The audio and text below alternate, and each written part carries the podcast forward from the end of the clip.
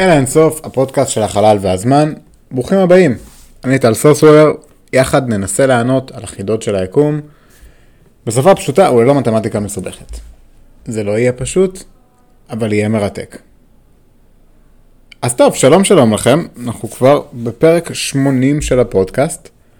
היום אנחנו הולכים לדבר על התכלס. אנחנו עדיין בסדרה על מסע בין כוכבים. היום אנחנו הולכים להעלות רעיונות אמיתיים לגבי איך והאם אפשר יהיה כבר לצאת למסע הזה בין הכוכבים. תראו, אחד הדברים שראינו בפרקים הקודמים הוא שלשמש שלנו, כמו לכל הכוכבים, יש תאריך תפוגה. כן, חמים ונעים לנו עכשיו, אבל בעוד כמה מיליארדי שנים, השמש תתחיל הליך של התחממות ותפיחה, ולכל הפחות תגרום לאידוי של כל האוקיינוסים שלנו ולמוות של כל החיים. סיכוי לא רע שהיא אפילו תבלע אותנו. אז למי שהרעיון של לגור בתוך ענק אדום בטמפרטורה של כמה אלפי מעלות קצת פחות קוסם, וזה בגדול לכולנו, אנחנו צריכים למצוא פתרון אחר. אנחנו צריכים לצאת מכדור הארץ. יום אחד אם האנושות באמת תשרוד, ואם לא נשמיד את עצמנו בדרך עם אה, פצצה גרעינית או משהו כזה, אנחנו נצטרך לברוח מכאן. נצטרך לחפש לעצמנו מקום אחר ביקום. יותר מזה, אפילו אם הכל, הכל טוב פה, היינו רוצים מתישהו לראות כוכבים אחרים, לא? אפילו סתם בשביל התיירות שבזה.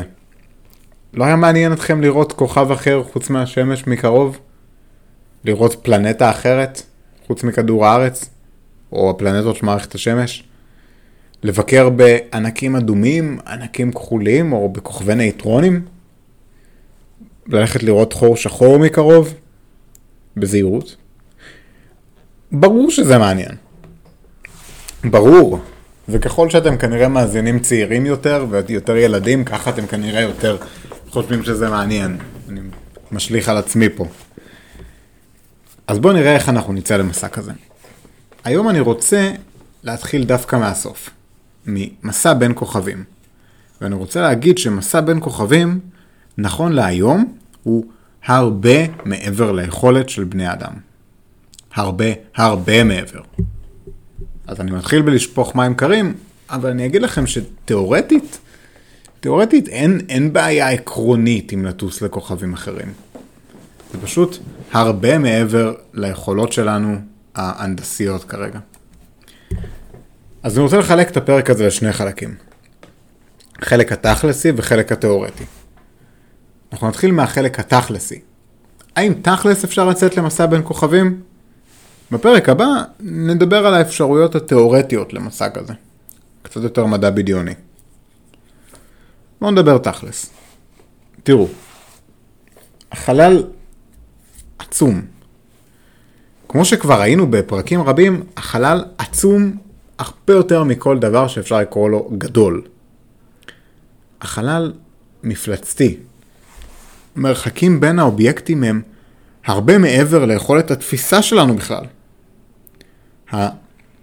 הסקלות של היקום עצומות. אנחנו חיים כמה עשרות שנים או מאה שנים במקרה הטוב כמות שנים כאלו פשוט לא רלוונטית למסע ביקום. אם אני אגיד לכם שלהגיע לכוכב הקרוב ביותר ייקח 200 שנה, כנראה שלא תקפצו על ההזמנה. אפילו אם זה היה 20 שנה, לכיוון, כמה מכם באמת היו יוצאים לדרך. 20 שנה זה המון. תחשבו איפה הייתם בנופש לפני 20 שנה. איפה הייתם בתאריך הזה בדיוק לפני 20 שנה. אין סיכוי שאתם זוכרים, אלא אם כן זה תאריך מיוחד. עכשיו תחשבו שרק היום אתם חוזרים מהנופש הזה. 20 שנה זה באמת בלתי נתפס. 20 שנה זה הרבה הרבה הרבה יותר מהיר מכל דבר שיש לנו כרגע. אני אפילו לא מדבר על להביא אנשים שלמים לשם. אני מדבר על להביא גשושית עם מצלמה. הגשושית הכי רחוקה והכי מהירה שלנו, ויאג'ר 1, נמצאת בערך 20 שעות אור, כן? שעות, לא שנות, שעות, כלומר, לתדרים מהגשושית לוקח 20 שעות להגיע אלינו. והיא טסה מהר. היא טסה 65 אלף קמ"ש. זה יותר מהר מ-18 קילומטרים בשנייה. אם היינו יכולים לטוס במהירות כזו בכדור הארץ, טיסה מתל אביב לניו יורק הייתה לוקחת 8 דקות וחצי. תחשבו על זה. עולים על מטוס, שומעים שני שירים באוזניות ונוחתים בניו יורק. אי אפשר אפילו לשמוע פרק אחד של פודקאסט ככה, לא יודע אם אני אוהב את זה. טוב, חזרה לוויאג'ר שלנו. ויאג'ר הגיע למרחק 20 שעות אור והיא טסה מהר. כמה זמן לקח לה להגיע ל-20 שעות אור? לקח לה 40 שנה. 40 שנה, 20 שעות אור. זה העצם המהיר ביותר שיש לנו, ותראו כמה מעט הוא עשה בכמה הרבה שנים. עכשיו בואו נגיד שוויאג'ר הייתה מכוונת לאלפא קנטאורי. אלפא קנטאורי הוא הכוכב הקרוב אלינו ביותר. הוא נמצא במרחק 4 שנות אור מאיתנו. יחסית למרחקים אחרים שדיברנו עליהם בפודקאסט של מיליארדי שנות אור, נשמע ממש קרוב. אז נגיד שהוא היה טס לשם. מתי הוא היה מגיע לשם? אמנם ויאג'ר לא מכוון אליו, אבל נגיד שכן, הוא היה מגיע אליו בטיסה ממש מהירה, 65 אלף קמ"ש, 8 דקות מתל אביב לניו יורק. כמה זמן היה לוקח? 100 שנים? אלף? תשובה, 40 אלף שנים. 40 אלף שנים במהירות של 18 קילומטר בשנייה. כל שנייה. תעצרו רגע ותחשבו על זה. זה מרחק בלתי נתפס. על כל. שום צורה זה בלתי נתפס. זה כמו שחבר שלכם יגיד לכם שהוא למד לשחות והוא שוחה מהר, והוא יוצא למסע שחייה מקפריסין לישראל. כן, כן, יש כאלה שעשו את זה. ב-2014 הייתה קבוצה של שחיינים שעשתה את המרחק הזה בשישה ימים. עכשיו, זה מטורף. זה שיא היכולת האנושית. אני חושב שאתם צריכים להגיד לחבר שלכם שזה קצת לא אמין, אבל אפשרי. עכשיו יבוא אותו חבר, והוא יגיד לכם שהוא רוצה לשחזר את ההצלחה, ולסחוט מסן פרנסיסקו ליפן, אבל שהוא שוחה אה, מזרחה, כלומר מסן פרנסיסקו לתעלת פנמה, להקיף את אה, אפריקה ואת אה, הודו, ולהגיע ליפן מצד שני. אתם אולי תשבו איתו ותסבירו לו שלסחוט כל כך הרבה מרחק זה כבר רעיון מסוכן יותר. אפילו אם הוא יסחה באותו הקצב של החברים מקפריסין, זה לא ייקח שישה ימים. זה כבר מעל שישה חודשים של שחייה. עכשיו תראו, בחלל לוקח לנו כמה שנים להגיע לעצמים אחרים בתוך מערכת השמש. פה, אצלנו, בשכונה שלנו. רוצים לטוס לשבתאי? רוצים לבקר בירחים של צדק? תכינו איזה שמונה שנים לכיוון, בסדר? אה, והרוב המוחלט של הטיסות לא, לא מצליחות, אבל זה כבר עניין אחר. הבעיה הזו במסע בין כוכבים ממש, היא שהיא פשוט גדולה יותר מאיתנו. אני לא חושב שאנחנו בכלל מבינים עד כמה היא גדולה יותר מאיתנו. שום דבר בהתפתחות של המוח הקופי שלנו לא כיוון אותנו למסע בין כוכבים. המרחקים שצריך להתמודד איתם בלתי נתפסים. הבעיות שצריך להתמודד איתן בלתי נתפסות. בדיוק כמו שלמסע באוקיינוס יצטרכו להתמודד עם בעיות שכנראה לא יהיה צורך להתמודד איתן בים התיכון, ואני לא מבין בזה מספיק אפילו, אבל מניח שיש יותר כרישים או משהו כזה באוקיינוס, אז בדיוק ככה גם מסע בין כוכבים מעלה בעיות שבכלל לא הייתם חושבים עליהם במסע בתוך מערכת השמש. לדוגמה, אבק. כן, כן, אבק. מה הבעיה? מטלית וסיימנו, לא? כשטסים במהירות גבוהה, כל גרגיר אבק הופך לפצצה גרעינית. כל מטאוריט קטן שאנחנו נתנגש בו עם החללית, פשוט כתוצאה מטיסה במהירות בחלל, יכול לפוצץ את החללית. וזו רק בעיה אחת. מה עם הקרינה? היקום מלא קרינה. הקרינה הזו מאוד מסוכנת לבני אדם. איך נשמור על הגוף שלנו מהקרינה הזו? אבל שוב, בואו נהיה צנועים יותר. אמנם תאורטית, מסע בין כוכבים הוא אפשרי, אבל בואו נבדיל בין אפשרי לפיזיבילי. עוד יותר, בין פיזיבילי לרלוונטי לחיים שלנו. אם בני אדם ימשיכו להתפתח, אני מעריך שתוך כמה מאות או אלפי שנים, אם נשמור על קצב ההתפתחות וההתקדמות שלנו כרגע, אולי נגיע לפריצות דרך טכנולוגיות שיאפשרו לנו לצאת למסע כזה. צריך להגיד את זה עם המון זהירות, כי לא נראה לי שבני אדם במאה ה-13 עם אה, מונגולים שרוצחים ובוזזים ואונסים כל מה שזז, אמרו לעצמם, אה, זה נראה לי אפשרי שבעוד 800 אה, שנה בני אדם יבנו מערכות תקשורת אלחוטיות המקשרות את כל העולם ומאפשרות להעלות פודקאסטים לאוזניות. נו באמת. תחשבו כמה התרבות שלנו השתנתה כחלק מאותם פיתוחים טכנולוגיים אותם אנחנו חיים היום. אז נכון, מסע בין כוכבים מאוד מעניין את התרבות שלנו היום. יש על זה הרבה סרטים וזה מאוד מעניין. מסע בין כוכבים הוא אפשרות שאנחנו מדברים עליה במדע פופולרי כבר יותר ממאה שנים. נראה שמעניין אותנו להגיע לכוכבים. אבל בואו נזכור שרוב ההיסטוריה, רוב האנושות, אף אחד לא חשב במונחים האלו בכלל. אפילו אם תיתנו לשליטים של ימי הביניים את המשאבים הדרושים לכך, ואת הטכנולוגיה, יכול להיות שהם יחשבו שזה טמטום ואפילו כפירה לבנות מערכת שתיקח בני אדם לכוכבים.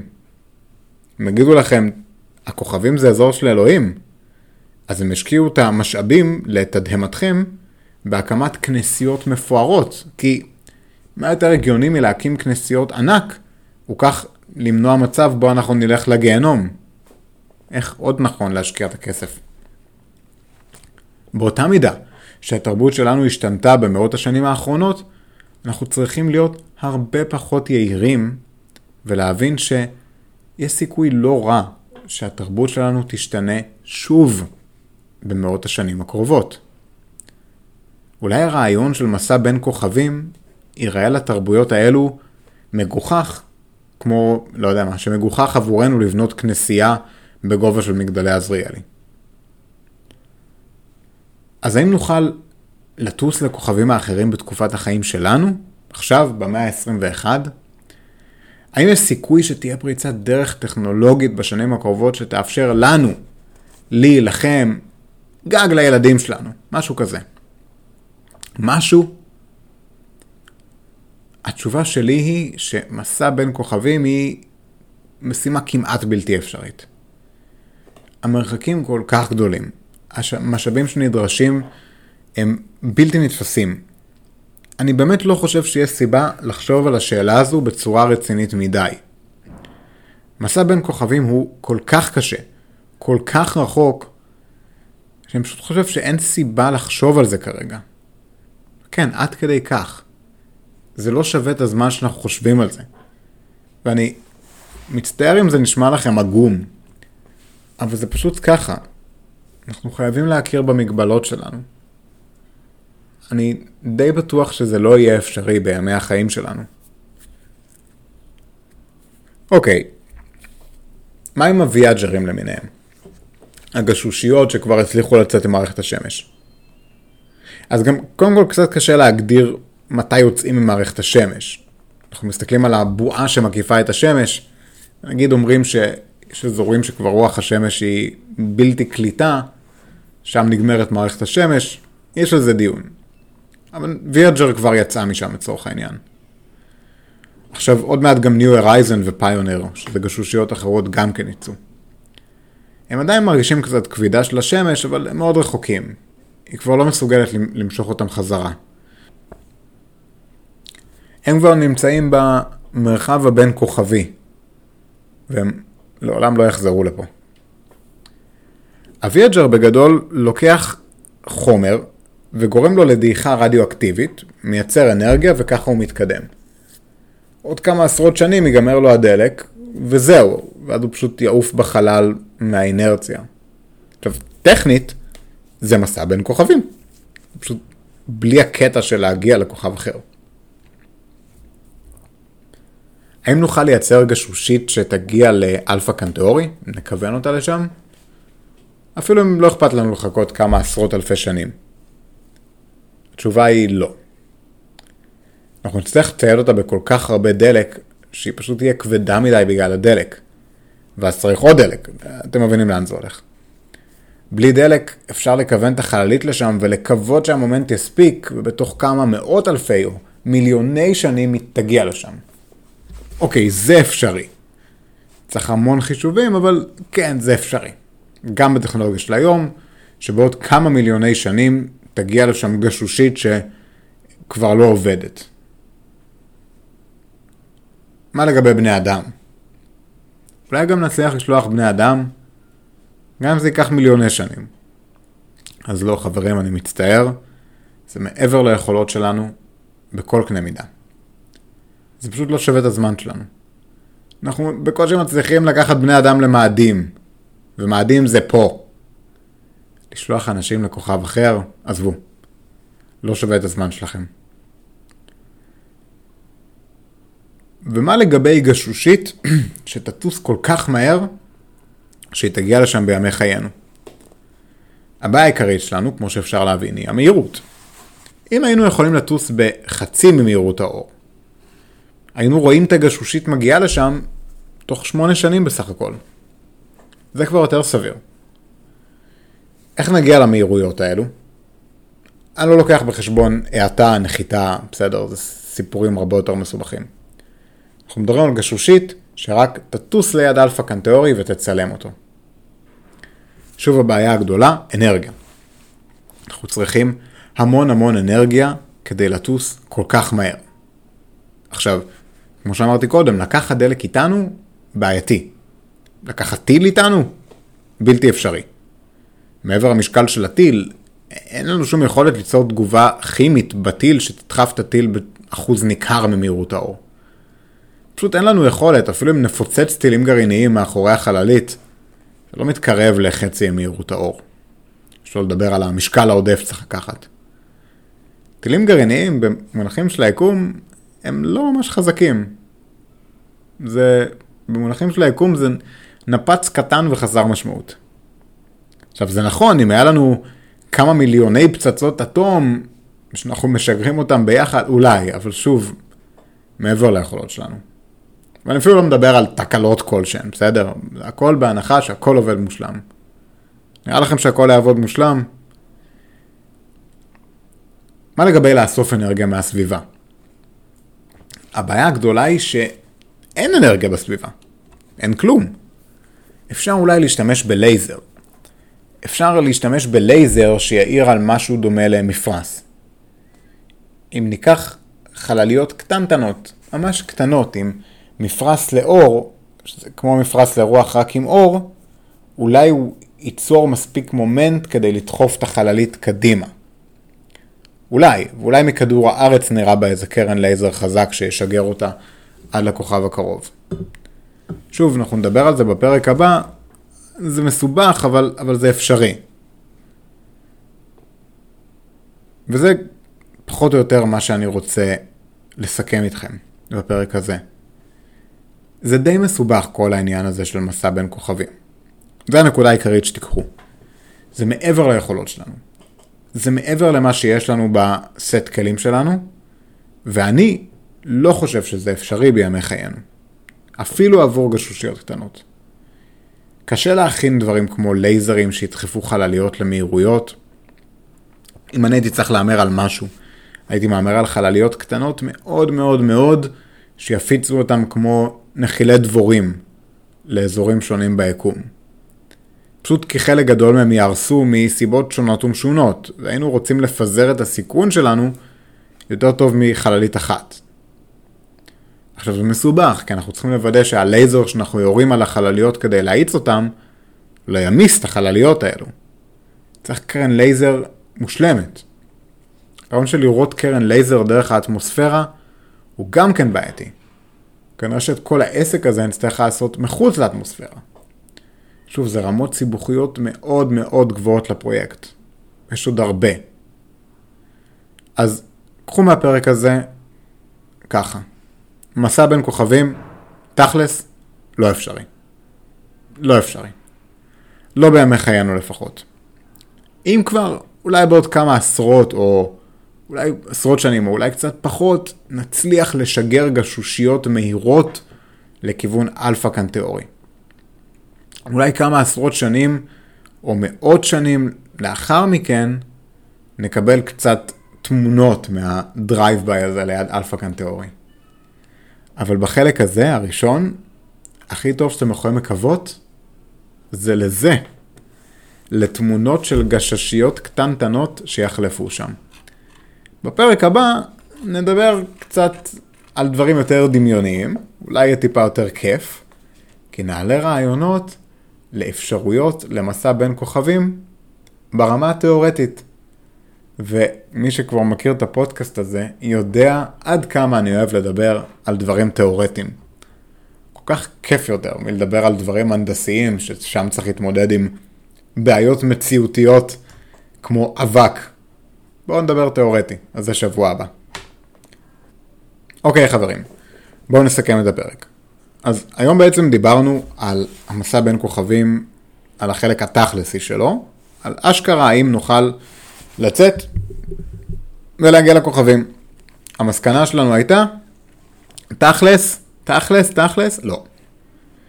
בשימוש בטכנולוגיות שיש לנו היום, ייקח עשרות אלפי שנים כדי לשלוח גשושית רק לכוכב הקרוב ביותר. אנחנו צריכים להבין שהמרחקים בחלל, אפילו הקרובים ביותר, בין שני כוכבים קרובים, הם מרחקים בלתי נתפסים בסקלות של בני אדם. אז קצת הפלגנו בדמיון קדימה. האם יהיה אפשרי לשלוח בני אדם לשם?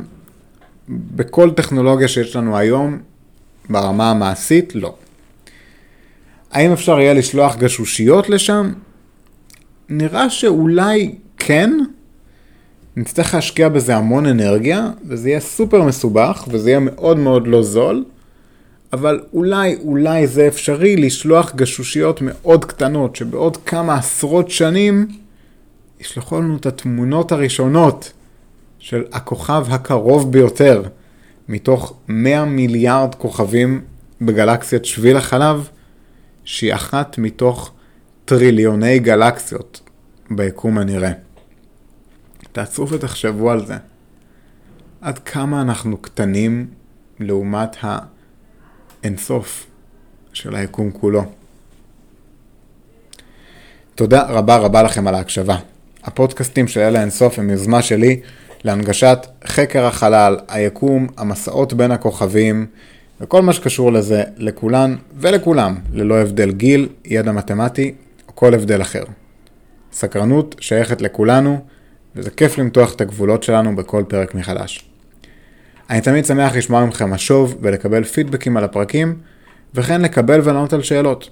ב note של הפרק יש לכם פרטים ליצירת קשר איתי, וכן קישור גם לעמוד הפייסבוק שלנו, שם אתם יכולים לעשות לייק, לכתוב שאלות ולראות את כל הפרקים מיד איך שהם מתפרסמים. אנחנו זמינים ב Apple Podcast, Google Podcast ובכל מקום בו אתם מאזינים לפודקאסטים. יעזור מאוד אם באפליקציית הפודקאסט שלכם, שלכם תיתנו לנו דירוג של חמישה כוכבים.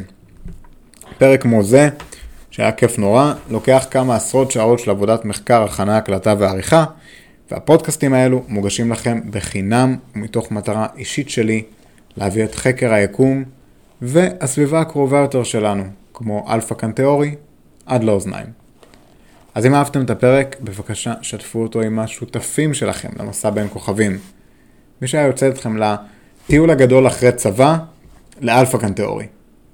או עם אנשים שסתם הייתם שמחים להעביר איתם את הדרך, להיות איתם כמה עשרות אלפי שנים בחללית. תשתפו עם מי שאתם רוצים, וכמה שיותר. ועד הפעם הבאה, תודה רבה לכם על ההקשבה. שלכם, טל.